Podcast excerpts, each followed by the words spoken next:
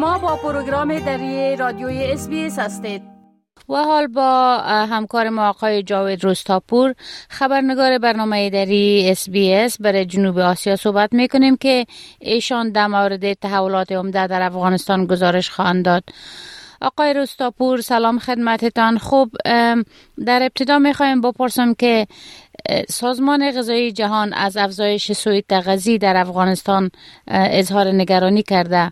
جزئیات این خبر چی است و چی اقدامات در این مورد صورت خواهد گرفت؟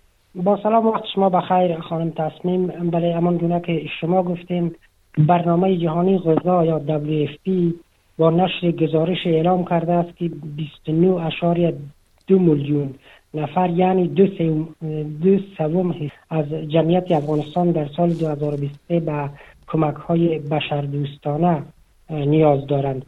یافته های نهاد نشان می‌دهد که 15.3 میلیون تن در افغانستان از ماه می سال جاری میلادی تا کنون به شدت در ناامنی غذایی قرار دارند.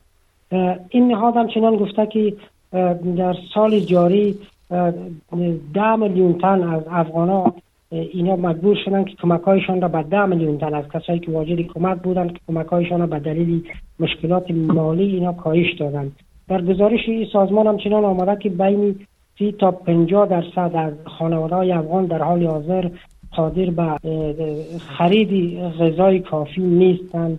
این نهاد اضافه کرده که حدود هفت میلیون نفر آسیب پذیرند که در میان از یا بیشترشان زنان و کودکان هستند که اکثری کودکان گفتن از این جمله به سوی تغذی حاد مبتلا هستند.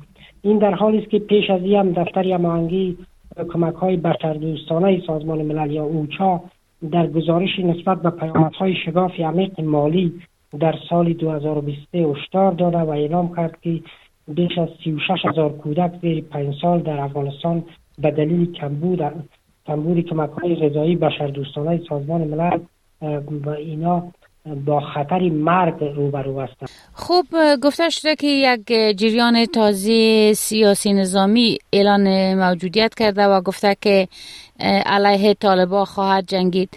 آیا گزارشات در دست است که این جریان یعنی کیها هستند و از کجا فعالیت دارند بله جریان تازه موسوم به جبهه متحد افغانستان بر ضد طالبان با عضویت شماری از های نظام جمهوری پیشین در آمریکا اعلامی موجودیت کرد.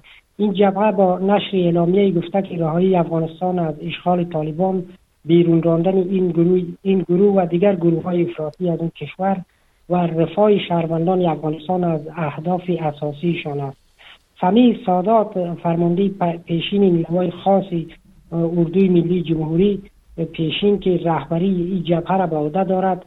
در مراسم افتتاحیه این جبهه در واشنگتن گفته که اینا یک جنبش سیاسی هستند و همچنان در پهلوی از این فعالیت های نظامی هم دارند و برای از اینکه عزم خود را گفته برای نابودی و بیرون کردن گروه های برای نابودی طالبان و بیرون کردن دیگه گروه های تروریستی از افغانستان جذب کرده باشند. شماری از فرماندهان و نیروهای اردوی ملی افغانستان را با خود دارند.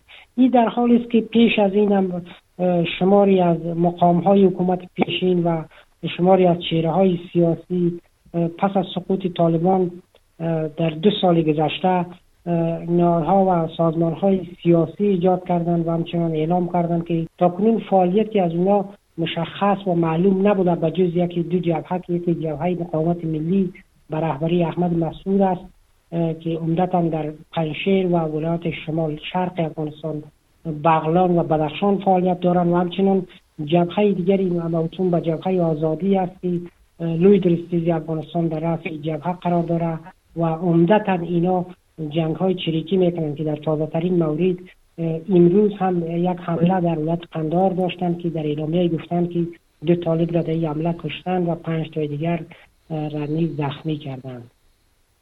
بله تشکر. خب آقای رستاپور ریاست پاسپورت اعلان کرده که بر علاوه توزیع پاسپورت از طریق آنلاین عرایز مردم به شکل قلمی هم میپذیرند آیا این کار در توزیع پاسپورت چی کمک می‌کنه؟ بله ریاست عمومی پاسپورت طالبان گفته که به خاطر رسیدگی به مشکل متقاضیان پاسپورت تصمیم تازه را روی دست گرفتن که مطابق آن در آینده نزدیک در کنار توزیع پاسپورت به متقاضیان از طریق فرم آنلاین در نظر دارد تا این روند را از طریق عرایز سفید یعنی آفلاین هم آغاز کنند این تصمیم ریاست عمومی پاسپورت طالبا اما واکنش ها و نگرانی های شماری از متقاضیان پاسپورت را که از حدود یک سال و بیشتر از این اینا فرم پر کردن و منتظر اخذ پاسپورت هستند برانگیخته است. این متقاضیان گفته که این چنین روند روی دست گرفته شود و اگر طالبا عرایز را به صورت قلمی بگیرند زمینه فساد و بینظمی را بیشتر فراهم می‌کنه و ممکن است نتوانند در زمان تعیین شده بیشتر متقاضیان پاسپورت پاسپورت را به دست بیارند.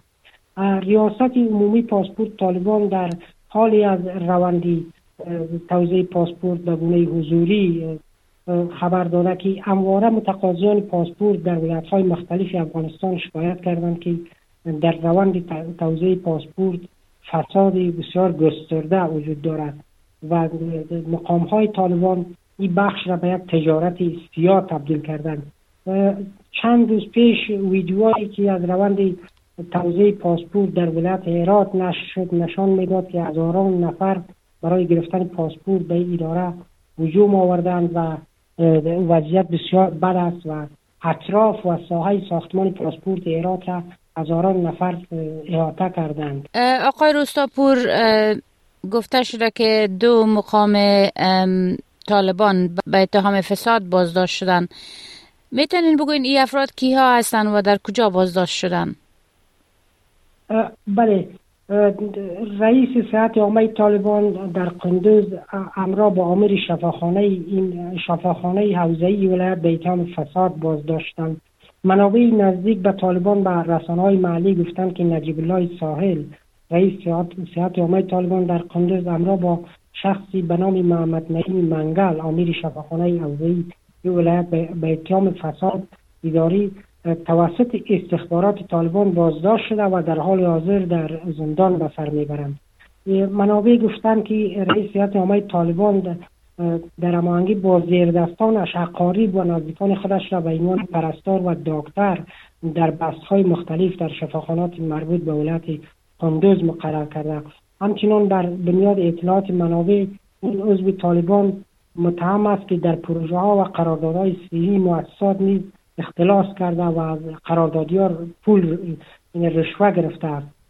مسئولان طالبان در حال مسئولشان به اتهام فساد بازداشت می شوند که طالبان همواره ادعا کردند که فساد را در ادارات و دستای دولت نابود کردند و ضعیف ساختند اما همواره از خیشخوری طالبان و اینکه طالبان بیشتر در گزینش کارمندان دولتی افراد نزدیک به خودشان را که بیشترشان کم سواد هستند و عمدتا سواد دینی و ملایی دارن اینا در بحث های مهم تا در بخش های تخصصی می‌گذارند. اما طالبان تاکیدشان نیست که بر علیه فرات مبارزه می‌کنند.